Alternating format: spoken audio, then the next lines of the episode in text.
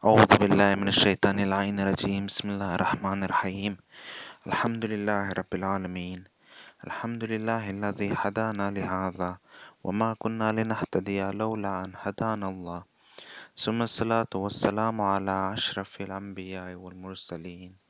سيدنا ونبينا وحبيب قلوبنا وشفيع ذنوبنا وطبيب نفوسنا بالقاسم محمد. اللهم صل على محمد وعلى محمد اللهم كن لوليك الحجة بن الحسن صلواتك عليه وعلى آبائه في هذه الساعة وفي كل ساعة وليا وحافظا وقائدا وناصرا ودليلا وعينا حتى تسكنه أرضك توعا وتمتعه فيها طويلا في Mamens välgång var vänlig skicka en. Allahumma salli ala Muhammad wa ala Muhammad. Som vi hörde förra veckan så gick Broder Firas igenom bönen. Under alla dessa år, när vi har bett, så har vi sagt innan bönen i vår avsikt Qurbatan ilallah. Vilket betyder att jag gör detta för att söka Guds närhet. Så, må så många år som vi har sagt detta och dessa heliga ord. Har vi kommit Gud närmare? Har vi kommit Allah subhanahu wa ta'ala närmare? Om vi ber fem gånger per dag och 365 dagar per år så säger vi korbaten ilallah 1825 gånger på ett helt år. Och för varje gång vi har sagt korbaten ilallah har vi tagit ett litet steg närmare har vi på ett år tagit 1825 steg närmare. Syskon, vad betyder det att, att vi ska komma närmare Gud? Är det så att vi kommer honom fysiskt närmare? Att vår kropp, fysiska kropp åker till honom? Nej, för att Gud är inte fysisk själv. Han har ingen fysisk kropp. Eller är det så att det är vår, vår själ som kommer honom närmare? Och om det är själen som kommer närmare, frågan är hur kommer den närmare? Om bönen inte, om bönen inte har gjort att vi kommer honom närmare, vad beror det på? Syskon, vår själ, vår rå tillhör inte oss, utan den tillhör Allah subhanahu wa ta'ala. Och den här äh, roh hade vi innan vi föddes. Sen så sattes den in i vår kropp. Och efter vi dör så kommer den att lämna vår kropp och leva vidare. Detta är inte dagens ämne. Men en av själen, en av sakerna som ligger i själens natur är att den vill flyga. Att den vill flyga till Gud. Att den vill närma sig Gud. Men, som vi sa, om vi inte kommer honom ett steg närmare, då flyger den inte till Gud. Utan vad händer? Jo, den tyngas. Vad tyngas själen av? Jo, synder. Synder är som en vikt som man lägger på en heliumballong. Ni har sett en heliumballong som vill flyga upp. Men vad gör man? Man brukar lägga en liten sandpåse som en vikt så att den hålls nere. Och på samma sätt så är våra synder som den här sandpåsen som håller vår själ nere. För att kunna bli av med tyngden i vår själ så är första steget att utföra en toba, det vill säga ånger. Om vi börjar med att kolla vad ånger är. Ånger är en av de egenskaperna som skiljer en människa och ett djur. Men vad är det som menas med ånger egentligen? Är det att man bara säger astaghfirullah rabbi wa atubu Jag återvänder och söker tillflykt hos Gud och ber honom om förlåtelse. Är det de här orden som är ånger som är toba? Det finns en skillnad mellan livlösa och livfulla saker. eller skapelser. Livlösa är till exempel en sten. Om något närmar sig en sten, eller om du kommer nära en sten och vill sparka bort den, flyttar sig stenen? Nej. Utan den är kvar. Det är du som flyttar på den. Samma sak, solen, månen. De är också livlösa skapelser. Om en meteor skulle komma in och krascha in i månen, månen flyttar sig inte utan det blir en krasch. Medan de livfulla skapelserna som Gud har skapat, de kan röra på sig. Om vi till exempel tar exempel med en planta så växer rötterna ner i marken. Och i jorden, om det finns en sten som hindrar roten att fortsätta växa, vad händer? Roten växer förbi stenen, den ändrar riktning. Samma sak, ni vet på sommaren, de här flugorna som irriterar, man försöker döda dem. Och så fort man försöker klappa till dem så byter de riktning. Alltså de får ett hinder och de byter riktning. Det är samma sak med oss människor. Att en människa byter riktning. Ånger, riktig ånger, är processen då man ändrar riktning. Fast den är mer komplex än vad den är hos djur och växter. För när en växt eller ett djur ändrar riktning så gör den för sig själv. För att den ska överleva. För att den ska komma ifrån hindret. Men när en människa ändrar riktning så ändrar han riktning från sig själv. Den, du ändrar din själs riktning från din nafs. För att själen ska överleva. Så vad är det som händer egentligen? Det blir en intern strid, en intern kamp.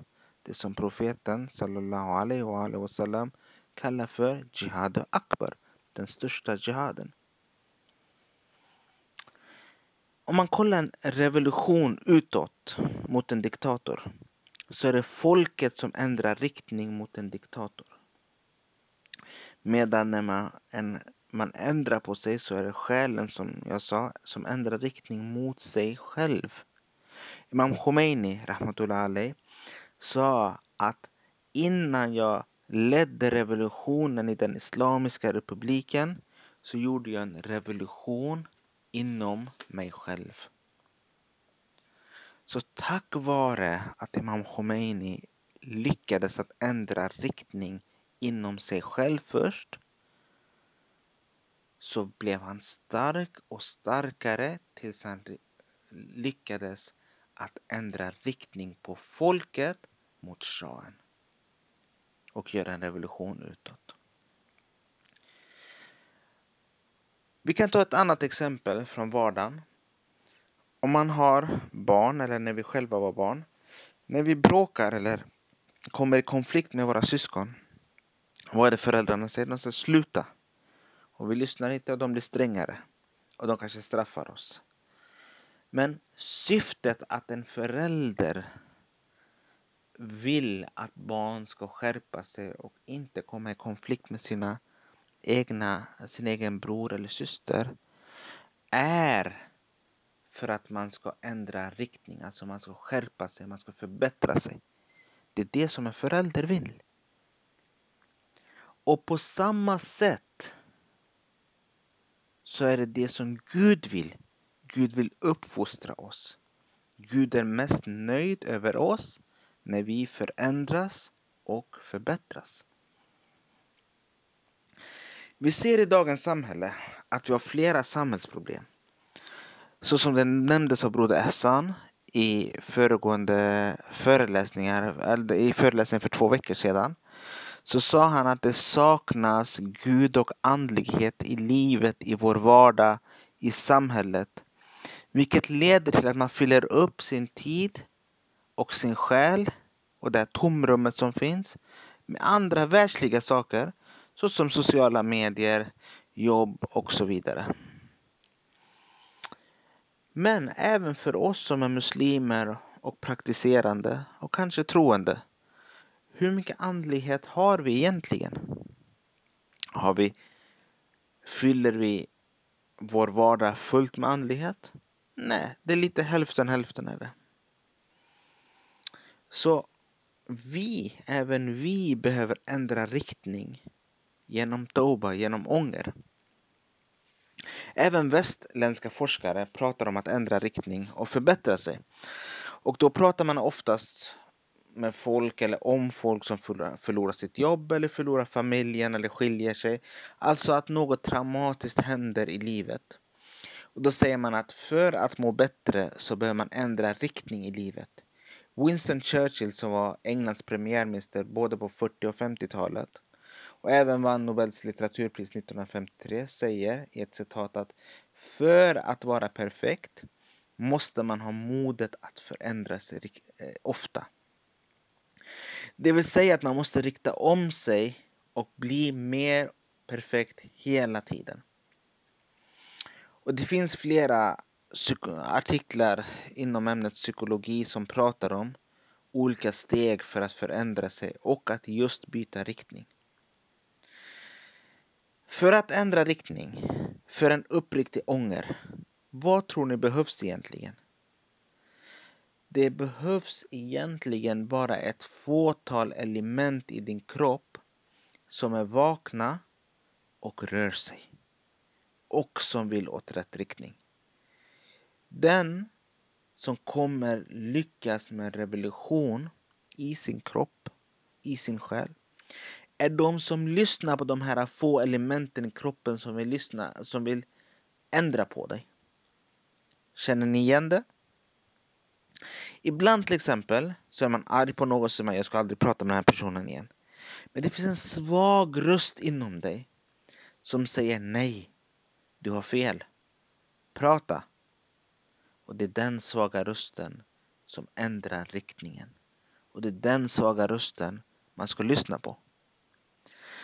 Om vi jämför detta med ett exempel ur samhället, den arabiska våren som skedde ursprungligen den 17 december 2010 i Tunisien då den arbetslösa akademikern Mohammed Bouazizi han tände eld på sig själv efter att polisen tog hans grönsaksvagn. Så genom protest så tände han eld på sig. Och många tunisier och många araber i arabvärlden kände igen sig och det spred sig. Det blev en kedjereaktion. Ni såg att ledaren av Tunisien avsattes och spred sig, det, spred sig revolutionen bland annat i Egypten och Mubarak avsattes och så vidare. Så ni ser det börjar från en liten del och om man lyssnar på den delen, på de här få elementen så blir det en kedjereaktion. Och det är det som får oss att vakna, att reagera. Om vi kollar den här kraften av Toba, vad är det för någonting? Det är så att Newtons eh, tredje lag säger att varje kraft har en reaktionskraft. Så till exempel om man studsar en tennisboll på marken. Ju hårdare man studsar den, alltså ju hårdare kraften är, desto större reaktionskraft. Så det är en faktor. Uh, och det finns två faktor, faktorer som gör eller som bestämmer hur högt den ska studsa. Den första som jag sa, beroende på hur stor kraften är, desto större studsar den upp. På samma sätt, ju större synd det är, desto större kommer min själ att reagera. Ju mer kommer jag må dåligt. Om vi kollar på amerikanerna i Irak som har varit där och trott att ett videospel har dödat människor. De kanske togs emot som hjältar. Men storleken av brottet de begick desto sämre mådde de. Och det kan man se genom att läsa statistik och artiklar om att hur många av dem som tog självmord när de kom tillbaka. Och tog de inte självmord så mådde de mentalt dåligt. Ett annat exempel genom historien är Bishr ibn Artas som var en general i Muawias armé. Och han fick fria händer att döda, bränna, råna. En dag så åkte han till Jemen och dödade två små barn till guvernören och guvernören var Imam Ali Alislams kusin. Och på grund av sina gärningar så plågades hans samvete mer och mer och han blev mentalt sjuk så han kunde varken sova eller äta och det sägs att han red runt på en trähäst till slut. I serien Mukhtar Name så har vi sett att Omar ibn Saad Ali efter Karbala så blev han också mentalt sjuk och han fungerade inte längre som en människa. Så ju större synd, desto större kraft, alltså motkraft, har den på din själ. Så ju större skada är det på din själ och ju sämre kommer du må. Det andra som får en tennisboll att studsa högt är min medvetenhet. Vet jag hur hårt jag studsar den? Det är därför som vi har högt andliga orefa och olema som så fort de gör en liten, liten synd eller ett fel, det behöver ens inte vara en synd. Eftersom de är så medvetna så är det en stor sak för dem. Och de ångrar det direkt och gör toba direkt. Shahid Mutahiri Rahmatullah Ali berättar att en dag kom hans lärare Haj Mirza Ali Agha Shirazi och besökte honom i Qom. De gick tillsammans till en samling där de bästa poeterna läste poesi från bland annat Sadi och Hafiz. Och detta i sig är ingen synd. Men för en arif så rekommenderas det inte att vara uppe så sent på natten. Så Shahid Mutari hörde sin lärare säga Astaghfirullah Rabbi wa atubu Eh, och det var så att Agha Shirazi var van att vakna två timmar innan Fajrbön för att spendera egen tid, eller för att ha egen tid med Allah subhanahu wa ta'ala, med, med sin herre. Och tack vare att han var uppe så sent just den kvällen så orkade han inte gå upp. Och därför så sa han astaghfirullah rabbi wa redan på kvällen när han insåg sitt misstag. Ni ser syskon, ju renare hjärta man har desto mindre synder eller fel blir en större sak.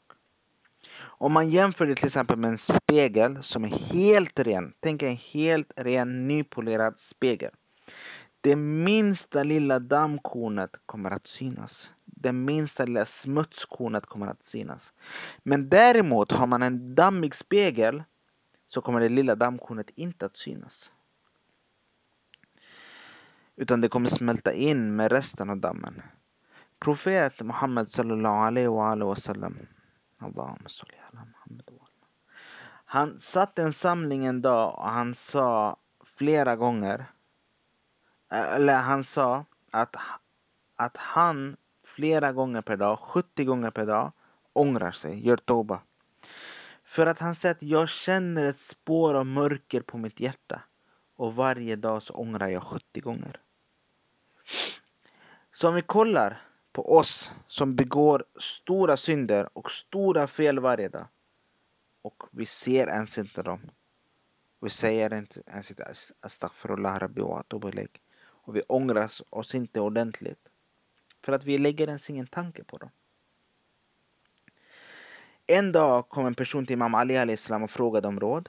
Och det första rådet som Imam Ali islam gav honom var att eh, den som längtar till nästa värld men inte den som längtar till nästa värld men inte gör något åt det. Så att vi, om vi längtar till nästa värld så ska vi göra någonting åt det. Men det andra rådet som är relaterat till dagens föreläsning var att var inte en av dem som känner att det är nödvändigt med ånger men dröjer med det. Att man väntar på det. Och det som händer är, om vi tar samma exempel som förut med spegeln, att det samlas damm och man väntar. Och det samlas ännu mer damm och man väntar. Och det blir tjockare och tjockare. Och sen så blir det fett av det. Och så kanske det blir mögel på det. Och så kanske det börjar komma kackerlackor. Vad vet jag. Men till slut, eftersom man har väntat och inte rengjort spegeln. så får man till slut slänga hela spegeln. Rumi berättar i en historia att en dag så hade en man planterat en buske som var i vägen för människor. Han bads att ta bort busken men han dröjde med det. Vad hände? Busken blev större och större och grenarna blev tjocka. Rötterna växte djupare och djupare ner i marken och de, också, de blev också tjockare. Och det började växa taggar på busken som man ens inte kunde röra dem. Och mannen, han blev äldre och äldre. Och det är exakt samma sak med våra synder. Att vår, att, att synderna växer in djupare och djupare i vår själ och vi blir svagare och svagare att kunna ta bort. Så våra lärda säger att vi inte ska dröja. Glöm en dag, inte ens timma, inte en ens, inte ens en minut. Och rådet vi får är att man ska inte, ut, att man ska inte bara utföra ånger innan man åker till Hajj. Ni vet själva, de som åker till Hajj ringer runt till sina släktingar, skickar sms, whatsapp-meddelanden och så vidare. Men det här gäller alltihop. Man ska göra toba innan man läser Koranen. Man ska göra toba innan man ber.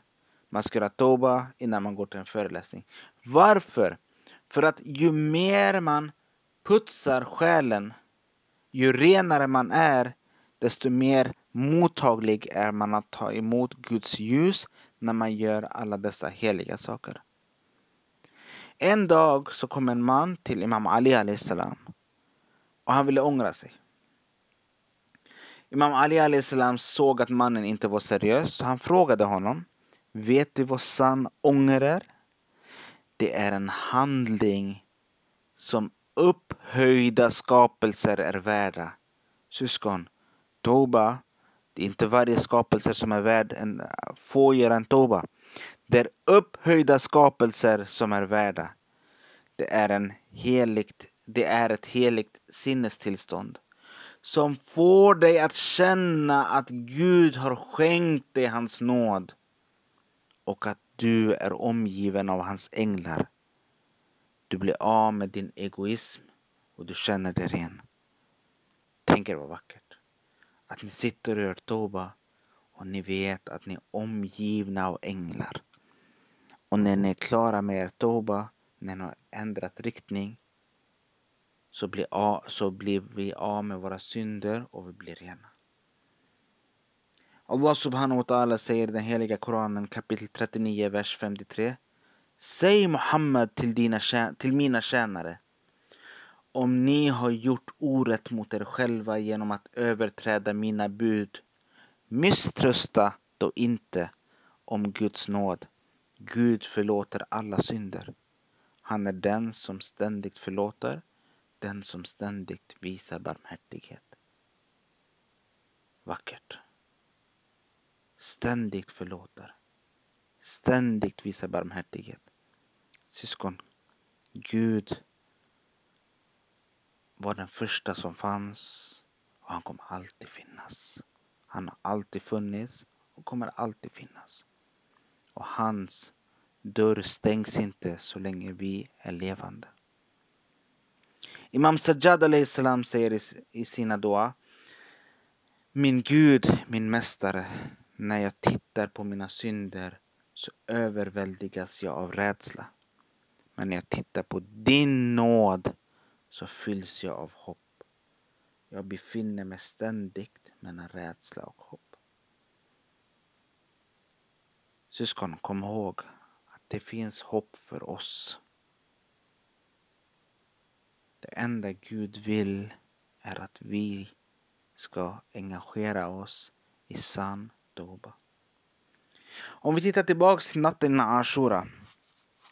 Historien säger att Omar ibn Saad, han hade egentligen tänkt och planerat att attackera Imam Hussein salam läger natten innan Ashura. Och när Imam Hussein islam fick reda på det så bad han Hazrat Abbas islam att prata med dem och förlänga slaget tills nästa dag. Alltså till, tills Ashura-dagen, till 10 Muharram. Och för att de inte skulle tro att det var ett svepskäl så sa han Kära bror. Det här var han skulle säga till dem sen. Men han sa till Hazrat Abbas al-Islam, han sa kära bror. Gud själv vet att jag älskar att tillbe honom. Och som min sista natt i mitt liv så är jag mer ivrig att få spendera den i ånger och fråga efter hans förlåtelse. Så Imam Hussein al-Islam ville den sista natten innan massakern i Karbala skulle ske med de heliga 72 följeslagarna. Det sista han ville göra natten innan var att spendera den i just Doba. Så tro inte syskon att Doba har en liten vikt. Doba är en stor sak. Ett annat exempel som vi oftast hör eh, och vi brukar oftast inkludera detta i den azan vi läser de tio nätterna är om just Hur ibn Yazid Riyai. Han var en befälhavare för fienden som ni vet. Och inte vilken befälhavare som helst utan han var den modigaste. Han var den tappraste.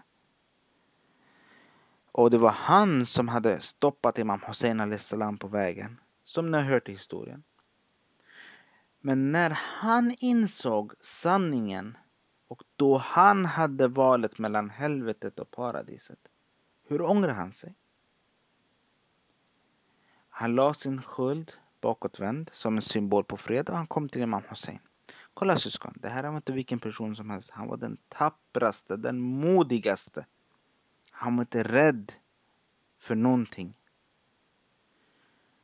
När han kom till Imam Hussein salam så darrade han som ett löv. Syskon, en modig person darrar inte som ett löv. Om inte det är sann ånger. Så hjärtat som ångrar sig, sannerligen ångrar sig, får kroppen att darra som ett löv. Jag ska avsluta här med en jättevacker hadis som säger att ånger, det är Gud som säger. Att ånger av en syndare är mig mer kärt en glorifierade glorifiering av mig. Och resultatet av denna ången, vad är det? Att allting smakar sött. Bönen smakar sött. Har ni ibland känt att man ber och den inte smakar någonting? Man vill bara bli av med den. Medan vissa dagar så sitter man där i tårar. Vissa dagar så har man inte lusten. Medan andra dagar så väntar man tills att bönen ska infalla. Inte bara att alla dina handlingar smakar sött. Utan ju mindre synder så smakar livet sötare. Och genom att livet sötas, äh, smakar sötare så vill man att det ska smaka ännu sötare. Så resultatet blir att man syndar mindre och mindre och gör goda handlingar mer och mer.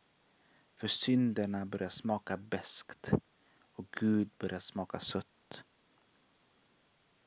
Så vad som händer är att det blir en positiv spiral ju renare man är, desto sötare smakar det Och desto mer sött vill man smaka på. Och man stiger mer och mer och håller sig borta från synder och fel mer och mer. وآخر دعوان والحمد لله رب العالمين وصلى الله على محمد وآله الطيبين الطاهرين اللهم صل على محمد وآل محمد